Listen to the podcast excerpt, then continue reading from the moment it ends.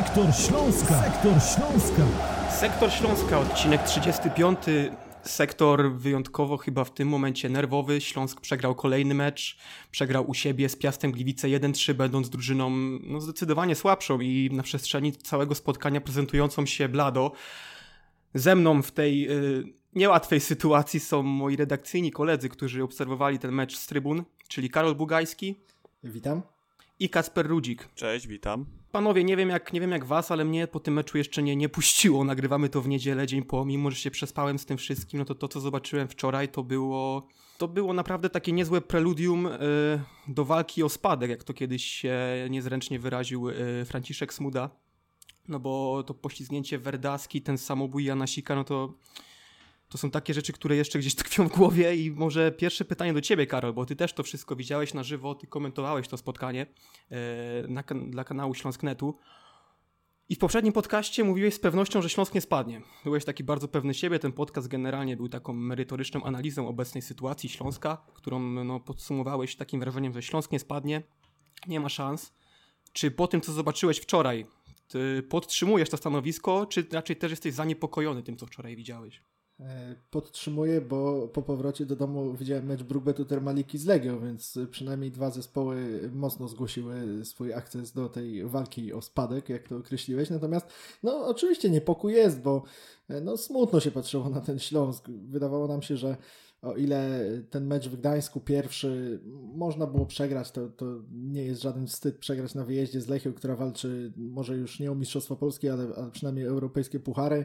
Potem ten mecz w Łęcznej, y, gdzie remis uratowany na śniegu i tak trzeba było wziąć za dobrą monetę, bo to na pewno nie było proste podnieść się po bramce straconej y, w końcówce pierwszej połowy. No to ten mecz z Piastem miał być przełamaniem, miał dać y, jakąś nadzieję, miał po prostu dać pierwsze, pierwszy komplet punktów od listopada. Przyjeżdża Piast Piast, który jest w podobnej sytuacji jak Śląsk, przyjeżdża e, Piast, który od początku września wygrał tylko jeden mecz na wyjeździe, co prawda tydzień temu w twierdzy Płock, natomiast no to nie jest zespół imponujący formą, podobnie jak, jak zespół trenera Jacka Magiery, a w pierwszej połowie okazało się, że oglądaliśmy dwa zespoły będące na, na zupełnie innym etapie swojego rozwoju. Piasta wychodzącego z kryzysu, czy, czy z jakiegoś trudniejszego momentu, który miał na przełomie starego i nowego roku. Natomiast y, Śląsk pokazał się jako zespół, który w tym swoim kryzysie po prostu na dobre się zagrzebuje trudno się już znęcać nad trenerem Jackiem Magierą, nad, nad, jego piłkarzami za te błędy naprawdę kuriozalne przy kolejnych traconych golach, ale, ale trzeba, bo to się cały czas powtarza, bo szanuję trenera Magierę i rozumiem, że on pracuje nad tym i deklaruje to e, na każdej tak naprawdę pomyczowej konferencji, ale nie widać efektów tej, tej pracy, no, nie widać efektów obozów Turcji Śląsk miał wyglądać lepiej. Śląsk podobno wyczyścił głowy, jak, jak też mówił w rozmowie z nami przed startem rundy trener Magiera, ale no, to, to, to jest cały czas ten, ten stary Śląsk. Chcieliśmy oglądać ten stary Śląsk, ale mieliśmy na myśli ten z początku sezonu, a nie, nie z końcówki rundy jesiennej. No właśnie, bo no, wspomniałeś o tych głowach i to też było chyba słowo klucz na pomyczowej konferencji prasowej, że trener Magiera no, co najmniej kilka razy powtórzył, że teraz najważniejsze będą głowy ty mówisz, że one podczas obozu zostały wyczyszczone. No, tymczasem już zaraz po obozie muszą zostać zaprogramowane na walkę o utrzymanie. I tutaj dla mnie też to jest trochę niepokojące, że trener Magiera na pomoczowej konferencji zwraca uwagę, że jesteśmy w takim momencie, że tu już nie umiejętności piłkarskie w tym momencie będą rzeczywiście grały główną rolę, ale ta strefa mentalna, która dobrze wiemy, że nawet trener Magiera powtarzał, że ona w Śląsku nie jest na najwyższym poziomie, jeżeli chodzi o takie liderowanie, że brakuje w tej drużynie przywódców. Tymczasem teraz on mówi, że w tym momencie te umiejętności piłkarskie, które zawsze podkreślał, są, są e, jakby handicapem Śląska, są na wysokim poziomie, one nie są w tej sytuacji tutaj priorytetem. Tu trzeba się skupić nad sferą mentalną, więc no Kacper, co ty o tym myślisz? E, jak, jakie w ogóle w takiej sytuacji są atuty Śląska w walce o utrzymanie? Bo to chyba już trzeba o to spytać. Czy my, skoro teraz tutaj przyjdzie, przyjdzie ten, ten aspekt mentalny, który u nas nie jest na, na najwyższym poziomie, czym Śląsk w ogóle będzie się na tle tych innych drużyn z dołu tabeli wyróżniał? Oj, ciężkie się wylosowało, bo jakby ostatnie dni, ostatnie dwa, trzy tygodnie pokazują, że naszą mocą nie jest defensywa, która rozdaje prezenty od pół roku i czuje się z tym chyba bardzo komfortowo w roli takiego świętego Mikołaja. Um, nasz atak też polega bardziej na indywidualnych zrywach, no bo we wczorajszym meczu to tak było nawet widać, że to bardziej były gdzieś pojedyncze akcje Cyli, gdzieś tam wejścia w dribbling e, Lewkota, mamy na ataku przecież e, tutaj e, Fabiana Piaseckiego, który też jakby ok, strzelił bramkę, ale funkcjonuje poza całym systemem, wręcz tak patrząc z boku. No nadzieją może będzie to, że jak przyjdzie Patrick Olsen, tam już wejdzie do gry, trochę pomoże poukładać tę grę. No właśnie, rozmawiałeś z Patrykiem Olsenem, wprowadziłeś z nim wywiad. Czy ty czułeś, rozmawiając z nim w tym wywiadzie, że to jest zawodnik, który wejdzie na derby i będzie, e, będzie tym liderem środka pola i gościem, który stworzy od razu nam, nam różnicę? Na pewno czułem od niego takie bardzo pozytywne podejście. Myślę, że on był też zadowolony z tego, że się wyrwał y, z Arał, czy z Arał, z Archus, przepraszam, Szwajcarię pomyliłem zdaniu za dużo tych klubów, ale że się wyrwał właśnie z Archus i że on jakby czuje się naprawdę tak, że jest gotowy wejść i taką grę nam poukładać, bo myślę, że tego elementu bardzo nam brakuje w środku. Że nam brakuje kogoś, kto by potrafił te piłki dobrze rozdysponować w dobrym tempie, żeby nie grać do przeciwników po stratach. Też może to, że on przyjdzie z czystą głową, że on nie będzie jakby skażony tym rozczarowaniem jesienią i gdzieś to może dzięki temu będzie wyglądało lepiej. No ale no, to musi szybko zaskoczyć, bo już widzimy Denisa Jastrzębskiego, który zagrał dwa jakby niezłe mecze, a no wczoraj to już też słabo wyglądało. No, pan piłkarz, tak o nim mówiliśmy po pierwszym spotkaniu w podcaście, pamiętam, że będzie pan piłkarz, no i na razie niestety, niestety był tylko w jednym meczu. I też widzimy Daniela Gretarsona, jeśli mogę wam wejść słowo, który też przecież debiutował dopiero w tym meczu przeciwko Piastowi, a, wydaje mi się, że on no, bardzo szybko taką prozę życia ekstraklasową poznaje, bo no, chcąc nie chcąc, nawet jeżeli możemy mówić, że ten jego występ był całkiem niezły, no to był zamieszany znowu w statę bramki, znowu przekonał się jak to jest słuchać tych pretensji z trybun po, po przegranym no, tam chyba meczu. niewiele rozumiał akurat. Uważam, że no, bardzo szybko tę głowę sobie może, jak mówimy o czyszczeniu głów, to on sobie może ją zanieczyścić. No tak, na pomeczowej konferencji ten Magiera też zwrócił uwagę na ten jego wślizg niefortunny przy tej bramce, gdzie Wilczek się no, zabawił z nami przeokrutnie. I też na, pierwsze, moje pierwsze wrażenie nie było takie, że on tam zrobił coś źle, ale potem jak to obejrzałem w powtórce, to faktycznie ten ślizg tam był kompletnie niepotrzebny i chyba sam Wilczek był w szoku, że to tak łatwo poszło. I dzięki temu też to wyglądało, to wyglądało w ten sposób, bo on tam dobrze wrócił i ten Wilczek ani nie zrobił żadnego zamachu tak naprawdę, nie, że nie przygotował się do strzału. Ten, ten ślizg był taki zupełnie niepotrzebny i to jeszcze można było uratować, więc ta bramka trochę, trochę też go obciąża. No choć tutaj, tutaj to jest głównie znaczy ta bramka Wilczka, wydaje mi się, że, że Wilczek doskonale wiedział, co robi, wiedział, kogo ma za przeciwnika po prostu. Trener Fornalik był też pytany na pomeczowej konferencji, czy, czy nie bał się, że Wilczek to popsuje, czy nie stanęła mu przed oczami sytuacja Miłosza Przybeckiego z meczu kiedyś Ruchu Chorzów w Kielcach, kiedy on nie trafił na pustą bramkę, natomiast e, no, Kamil Wilczek podjął taką próbę, podjął takie ryzyko, no bo on mógł przynajmniej dwa, trzy razy wcześniej uderzać już, e, a nie czekać do samego końca, natomiast no wiedział, że nie ma naprzeciwko siebie defensywy Pogoni Szczecin czy Lecha Poznań, drużyn, które straciły po 16-17 bramek w całym sezonie, tylko Śląska, który 20 bramek stracił w 10 ostatnich meczach, więc no, taka odwaga zupełnie mnie nie dziwi. No, to było przykre. To rzeczywiście było przykre, bo to było takie ośmieszenie i w sumie mało takich sobie przypominam na stadionie Śląska, tak w naszym kierunku. Może podobnie ośmieszeni byliśmy, jak trener Magiera był na tym stadionie, ale po drugiej stronie Y, jakby na drugiej ławce rezerwowych jako trener Legii, gdzie wtedy Legia przejechała i gdzieś dość szybko tam sprowadziła nas na ziemię, chyba w pierwszych 10 minutach było 3-0 i tam też Nik Nikolic z Prijowiczem się, się brutalnie zabawiali z naszą defensywą. To było coś podobnego. Albo też przypominam sobie taki sparring z Borussią Dortmund, gdzie Axel Witzel e, tak e, chyba Mariusza Pawelca wtedy takim świetnym zagraniem piętką zwiódł. A wtedy Jakub Wrąbel w podobnym stylu. Ale to był sparring i to było dawno, ale jeżeli chodzi o mecz ligowy, to no tak, to bolało, ale jak jesteśmy przy tym temacie, to jeszcze może Kacper do ciebie wrócę, bo ty nawet mnie swego czasu przekonałeś, że Verdaska to jeszcze może być dobry piłkarz.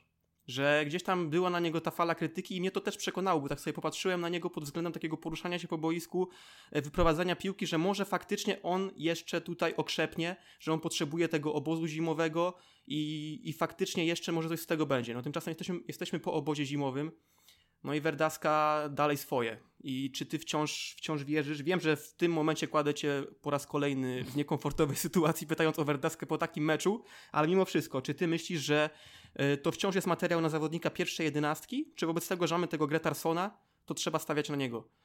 Znaczy, materiał na zawodnika pierwszej jedenastki to jest na pewno, bo jakby abstrahując już od tego, że chłopak się po prostu poślizgnął, co jest absurdalne i to jakby definiuje obecny Śląsk.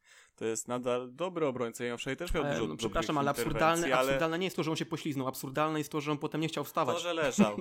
tak, tak, tak, to swoją drogą. Jakby już zapominamy o trałkowaniu, a wchodzi werdaskowanie, tak, do słownika. Natomiast on chyba też jest mentalnie gdzieś w złym miejscu obecnie, jak cała ta drużyna. No, z drugiej strony pytanie, co z Gollą, tak? Bo też o tym powiedział trener Magiera, że z zawodników, którzy są do gry na środku, obok e, lewego, pół lewego i pół prawego, no to doświadczenie właśnie mają e, Gola i Verdaska i oni tam grają. Może tam trzeba wypróbować choćby Tamasza, no mam wrażenie, że on też potrzebuje trochę oczyszczenia głowy, bo popełnia właśnie taki i ma jeden taki no, obronny wylew, bym to powiedział, taki w defensywie, bo tak poza tym no, gra dobrze, a no niestety. Jak tak gadamy sobie o tej defensywie i o składzie defensywy, ja się zaczynam coraz mocniej zastanawiać, czy właśnie to jest kwestia wykonawców, bo trener Jacek Magiera no, próbuje, szuka, tak jak właśnie w tym meczu z Piastem wystawił Gretarsona, wcześniej w Łęcznej wrócił Tomasz, z którego też w taki zaskakujący sposób chyba zrezygnował, nagle sadzając go z powrotem na, na ławce rezerwowych e, w tej kolejce. Natomiast no, zastanawiam się, czy trener Jacek Magiera jest człowiekiem, który może tę defensywę ogarnąć, bo jeżeli na przestrzeni kilku meczów, kilku kolejek zdarza się e, kilka takich, tak złych spotkań w defensywie, tak kuriozalnych błędów i, i naprawdę występów, za które można się wyłącznie wstydzić i jeszcze po kilku dniach odczuwać takie ciarki żenady na plecach, bo nie ciecza to było to samo, bo styl bramek traconych, e, nie wiem, z Górnikiem Zabrze ta, ta łatwość, e, to, to było to samo, z Lechią to były stałe fragmenty, no nie, nie wiem, czy już zakręcając się w takiej spirali tych traconych bramek i, i, naprawdę kiedy to przychodzi Śląskowi z taką łatwością, to, to można to ogarnąć, tak jak rozmawialiśmy już sobie jeszcze przed y, nagraniem, gdzieś wczoraj pisaliśmy po meczu, y, no trener Magiera, jego poprzednie drużyny, jego poprzednie wyniki, to, to, to nie było tak, że kiedy czy w Legii, czy w Zagłębiu Sosnowiec y, dochodziło do sytuacji trudnej, do sytuacji takiej, kiedy trzeba było poprawić grę w defensywie, to nagle jak od pstryknięcia palcami on wpadał na pomysł, który sprawiał, że jego drużyna zaczynała grać w pięciu kolejnych meczach na zero z tyłu. No, trener Magiera to jest człowiek, który kojarzy się z wynikiem Legii z Borussią Dortmund 4-8, z Realem Madryt 3-3, kiedyś w Zagłębiu Sosnowiec miał z Podbeskidziem wygrany 5-4, no, w jego DNA jest ofensywa, ok, ale kosztem w ogóle kuriozalnej gry w defensywie najwyraźniej i w Legii. To jest prawda, bo tam miał Priowicza i Nikolicia, miał lepszą ofensywę, najwyraźniej w Zagłębiu Sosnowiec też, a, a w Śląsku ona i z Praszylikiem i z Exposito czasami nie była wystarczająca, bo i tak były porażki jesienią, a teraz bez nich to, teraz to w ma ogóle. Piaseckiego i Picha. No i właśnie pytanie, czy taki styl gry, taki radosny futbol na, na 4-8 albo 5-4 to jest, y, to jest klucz do utrzymania się, bo to raczej zawsze się mówi, że do utrzymania przede wszystkim trzeba ogarnąć tą defensywę, trzeba dbać o to, żeby zero było z tyłu i, i wtedy można myśleć o, o realnej walce o utrzymanie. Tymczasem tutaj ja mam wątpliwości, czy jeżeli my nie, nie pójdziemy bardziej w taki rzeczywiście futbolowy pragmatyzm w naszym graniu, tylko to będzie cały czas to samo, bo tutaj zwróciłeś uwagę słusznie i to też o tym z Kubą Luberdą rozmawialiśmy, że te bramki tracimy cały czas w ten sam sposób. Potem jest konferencja prasowa, potem trener Magiera mówi, że tak, że pracujemy, że to są proste błędy, że to głównie głowa, że będą nad tym pracować. Przychodzi następny mecz i znowu, tu jakaś kontra, tu jakieś dośrodkowanie z bocznego sektora, gdzie wahadłowy nie zdążył za swoim zawodnikiem i on miał mnóstwo, mnóstwo miejsca, żeby dośrodkować sobie swobodnie. I to tak jakby już taki czeski film się zaczyna i Kacper, jakie ty widzisz zakończenie tego czeskiego filmu? I czy w ogóle zgadasz się z tezą, że Śląsk traci cały czas podobne bramki, a i cały czas słyszymy podobne słowa od trenera Magiery na konferencji prasowej. Zdecydowanie. To jest jakby pewien powtarzający się schemat. Właśnie też o tym rozmawialiśmy, że jak jesteś dzisiaj rywalem Śląska Wrocław, to masz jedno zadanie tak naprawdę. Ustawić się na 40 metrze od swojej bramki, pozwolić, żeby ci obrońcy środkowi rozprowadzali między sobą piłkę, żeby reszta się zaangażowała, podeszła wyżej. Wtedy jest pewne, to jest pewne, że któryś z zawodników albo ci poda pod nogi, albo gdzieś za chwilę pójdzie strata przy kilku zaangażowanych pomocnikach i ty masz tylko trzech zawodników do ogrania i masz pustą drogę do bramki. I to jest powtarzający się schemat. Mecz z Termaliką, w ten sposób tracimy bramki. Mecz ze Stalą Mielec, kiedy Konrad Poprawa e, dostaje czerwoną kartkę, to też jest zagranie na dwóch obrońców, trzech i jednego zawodnika, ale tu już kolejni się podłączają, idzie fala, a w międzyczasie czerwona kartka. Dzisiaj mamy, znaczy wczoraj, mieliśmy powtórkę tej samej sytuacji. Każda bramka, która padała, poza e, tą, e, nie, dobra, zagoniłem się trochę, ale jakby każdy rywal szuka okazji do tego, żeby Śląsk się zaangażował i go skontrować. Lech Poznań po tym słynnym rzucie rożnym akcent w ten sam sposób wygląda. My się wszyscy angażujemy do przodu, zostają całe połacie wolnej przestrzeni, a rywal to wykorzystuje. Do tego dochodzą no, słabo egzekwowane ustalenia co do gry w defensywie i nam się cała gra defensywna sypie, tak? To jest właśnie, myślę, że problem, bo to, że ktoś tam się poślizgnie dalej, to już jest efekt. To jest oczywiście kolejny błąd, ale to jest efekt, a błędy są popełniane dużo wcześniej i rywal wie po prostu jak do, doprowadzić do egzekucji jakby tych naszych błędów.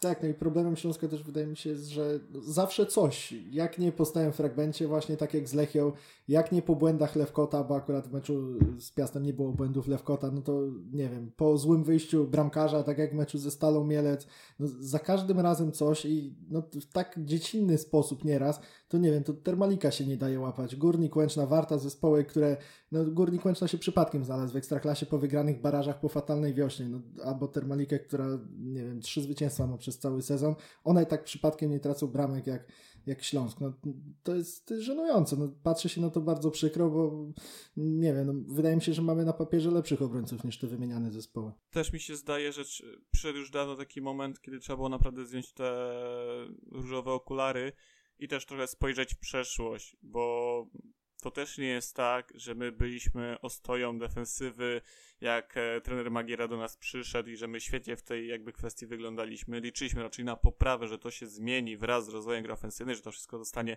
doszlifowane ale jak przypomnimy sobie mecze w europejskich pucharach, to przecież to też nie jest przypadek, że nam bramki strzelała drużyna z Armenii, że jak graliśmy u siebie z tą drużyną, to tam było gorąco i to się skończyło jakby no wielobramkowym meczem, tak? I to no była przecież bramka, gdzie Wojciech Gola podaje do przeciwnika po naszym aucie i potem z Termaliką też on podaje do przeciwnika mecz e, z Hapoelem Berszewa, nawet taki szczegół jak bramka na 1-1, że idzie jakaś wrzutka po rzucie rożnym, gdzie bramkarz się mija, jakby nie ma zawodnika, który by nam dawał gwarancję, że na niego można liczyć, że on jakby nagle nie wrzuci jakiegoś gorącego kartofla i że będzie tragiczna sytuacja pod naszą bramką, tak? No tak, ale to myślę, że to też wiemy o tym, że to trwa nie od dzisiaj ten problem z defensywą i żeby cofnąć się w ogóle do takiej w miarę niezłej defensywy, kiedy Śląsk e, no, był gwarancją jakiegoś spokoju w tyłach, no to trzeba by się cofnąć chyba do czasów Witesława Lawiczki.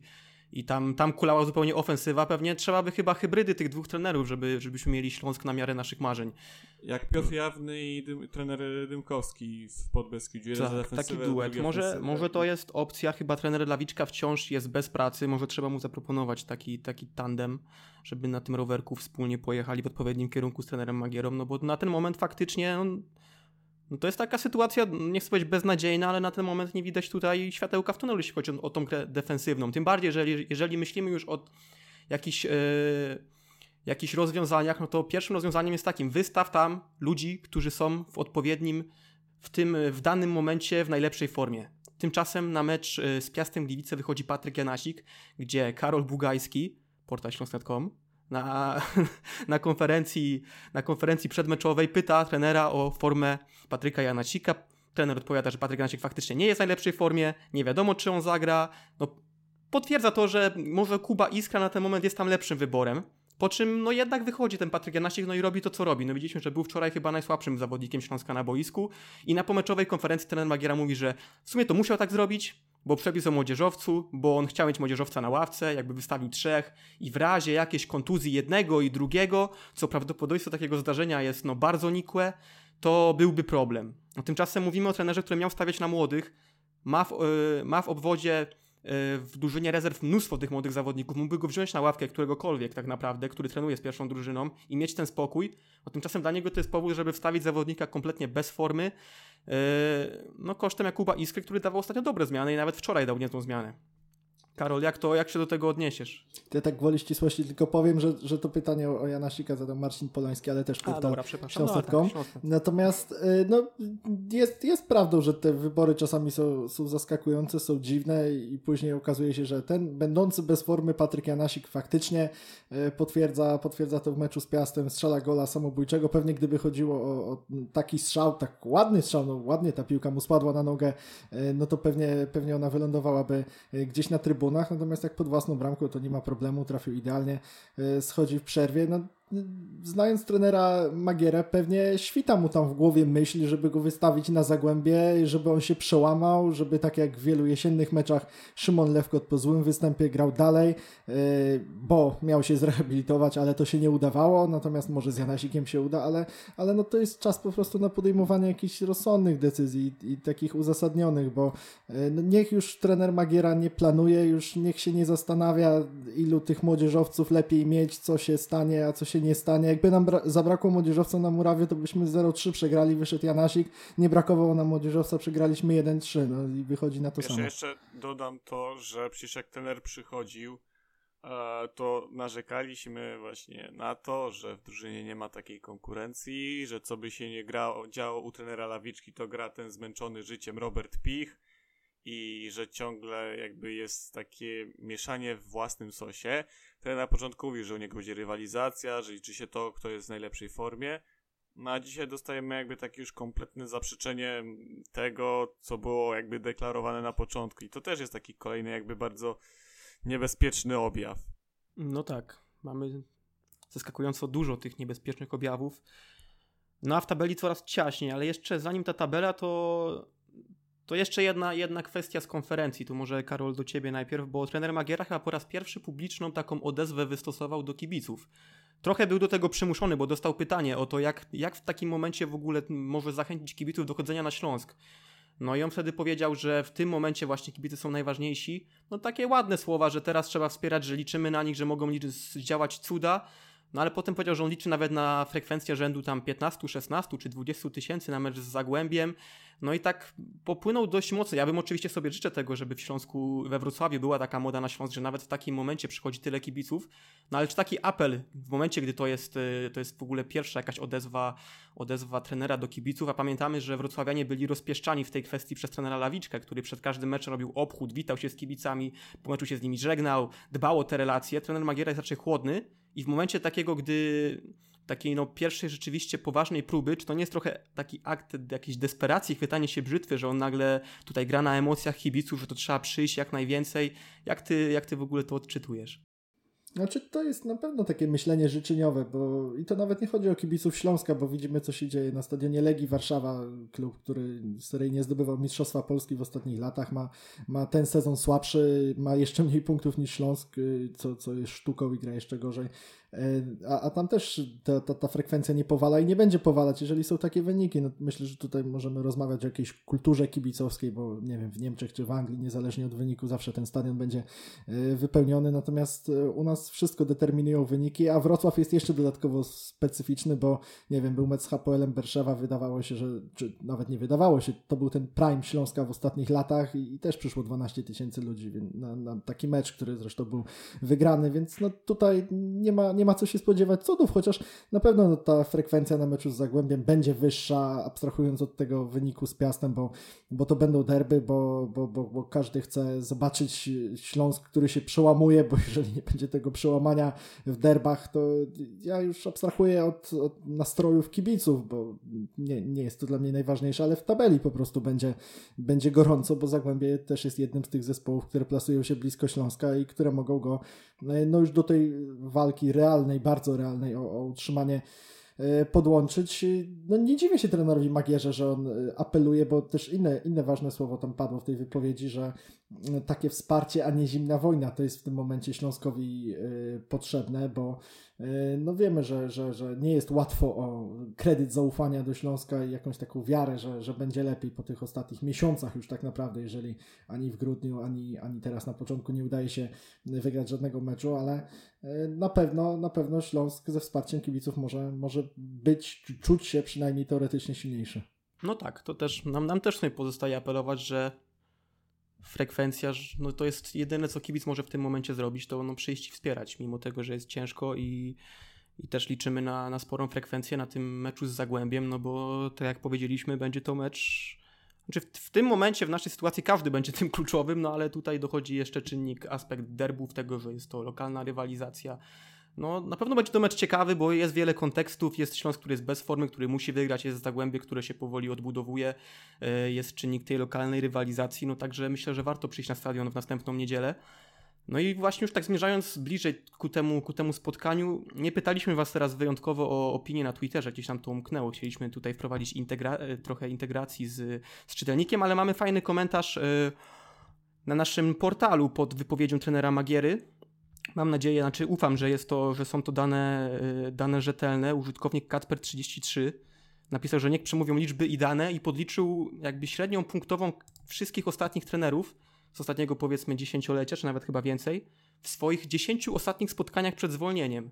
I że tak szybko tutaj to przytoczę, Orest Lęczyk to jest 1,7 punkta na mecz, Stanisław Lewy 0,8, Mariusz Rumak 1,1, Jan Urban to jest 1 punkt na mecz w swoich ostatnich 10 meczach, Witesław Lawiczka też 1, Jacek Magiera na ten moment w swoich ostatnich 10 spotkaniach to jest pół punkta na mecz. Czyli no tak naprawdę w standardach Śląska jakiś wykreowany w ostatnich latach, to jest trener, który już kwalifikuje się do zwolnienia. Oczywiście nie nawołuje do tego, ale to jest według mnie, dziękujemy za taki merytoryczny komentarz, bo to mnie to uderzyło. To jest, są faktycznie mocne liczby i to pokazuje, że, że no zabrnęliśmy w taki dość, dość ciemny kozi, kozi róg w tym momencie i teraz Kacper już przechodząc płynnie do następnego meczu ze Zagłębiem, jakby no jak z tego koziego rogu wyjść, bo przyjeżdża do nas Zagłębie pod wodzą Piotra Stokowca, który no już raz robił tam y, dobrą robotę, teraz to jest jego drugie podejście, widać, że ta drużyna się odbudowuje pod jego wodzą i w czym można upatrywać wyższości Śląska przed tym meczem nad Zagłębiem? Chyba jedynie w tą jakby jakość indywidualną konkretnych zawodników, że jednak Zagłębie, okej, okay, ma Patryka Szysza, ale też pojawili się tam nowi zawodnicy jak e, bodajże Doleżal, E, też jest Eric Daniel, oni mają niebezpieczną ofensywę, ale też tam jest trochę tych młodszych zawodników i trzeba mieć nadzieję, że na nich może ta presja trochę negatywnie podziała, czy jakby może w tej negatywnej presji będzie remis, bo Śląsk też jest pod tą presją.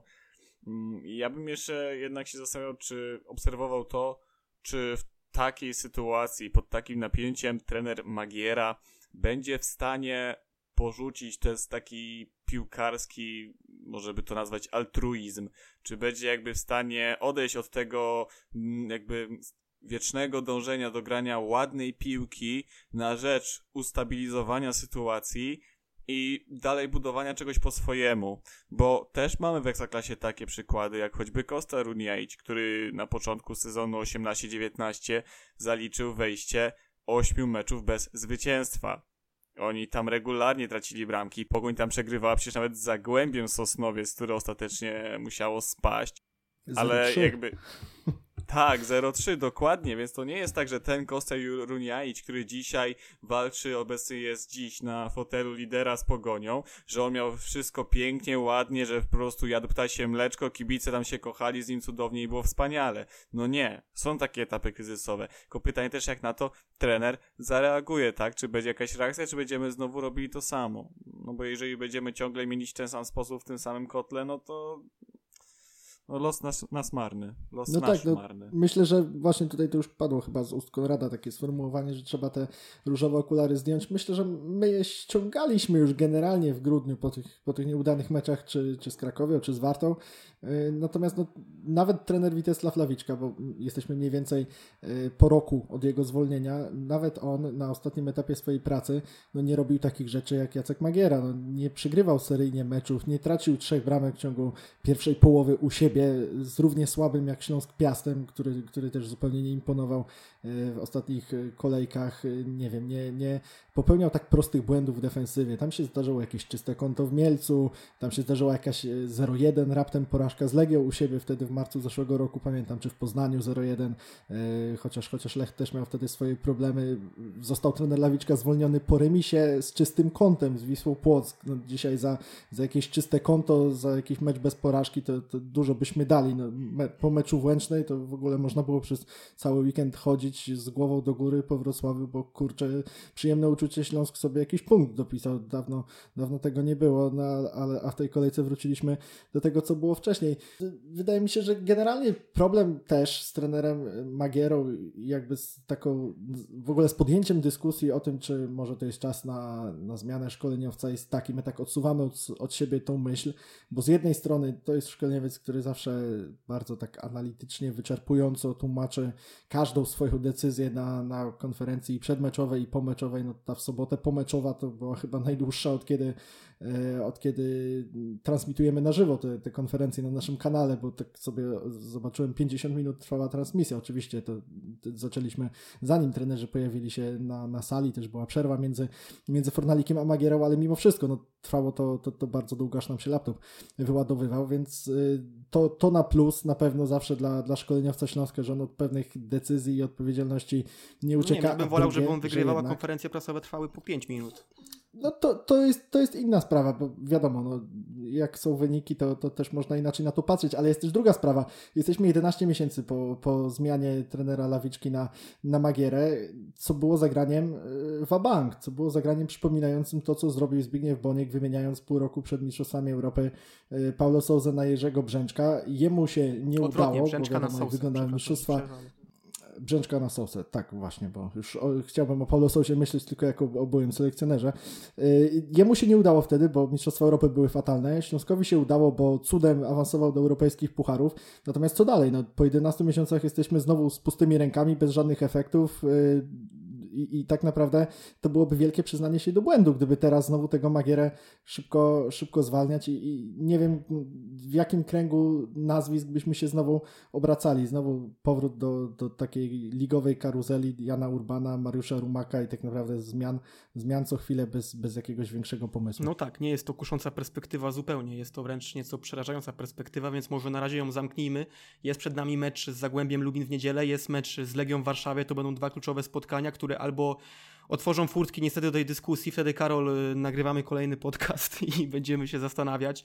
Na dzisiaj myślę zamknąłbym to też może podsumowaniem Kacpra, który przywołał tutaj fajnie ten, y, y, ten przykład Koster Juniajicza, no że mamy na własnym podwórku przykłady trenerów, którzy też przechodzili poważny kryzys, byli w stanie z niego wyjść, no i w tym będziemy wspierać trenera Magierę. Trochę było do wypunktowania tych rzeczy, które no no rzuciły się w oczy, no bo nie jest dobrze, ale wciąż myślę, że to jest do odratowania, więc trzyma, trzymamy kciuki za to, żeby ten mecz z Zagłębiem poszedł dobrze. Zachęcamy Was do wspierania Śląska na stadionie i, i no i tyle. Chyba Kacper, widzę, coś chcesz jeszcze powiedzieć na koniec? Tak, ja tylko jeszcze chciał dodać jedną rzecz, bo też koloryzujemy trochę te czasy Witesława Lawiczki, który miał bardzo długi okres dobry, ale nie możemy zapominać o tym, że jego wejście w ubiegły rok to było 8 meczów, gra, od której krwawiły oczy, też poszukiwanie różnych absurdalnych rozwiązań, jak gra Janasikiem jako środkowym pomocnikiem. E, i jedno zwycięstwo z Pogonią, gdzie tam po prostu był pięciominutowy błysk Erika Exposito.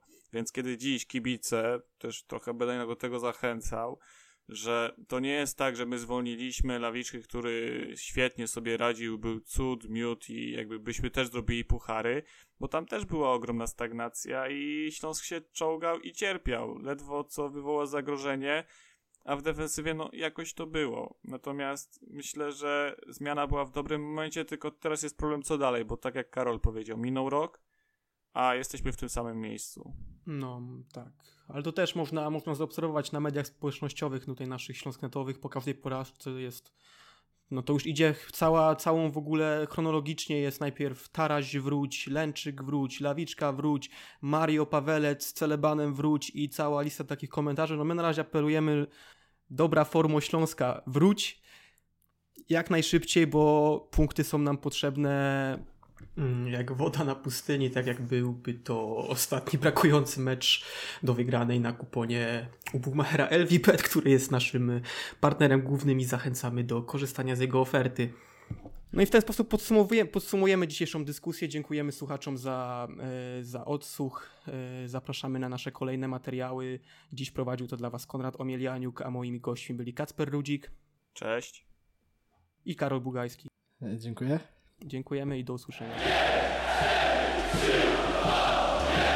To jest Sektor Śląska. Sektor Śląska.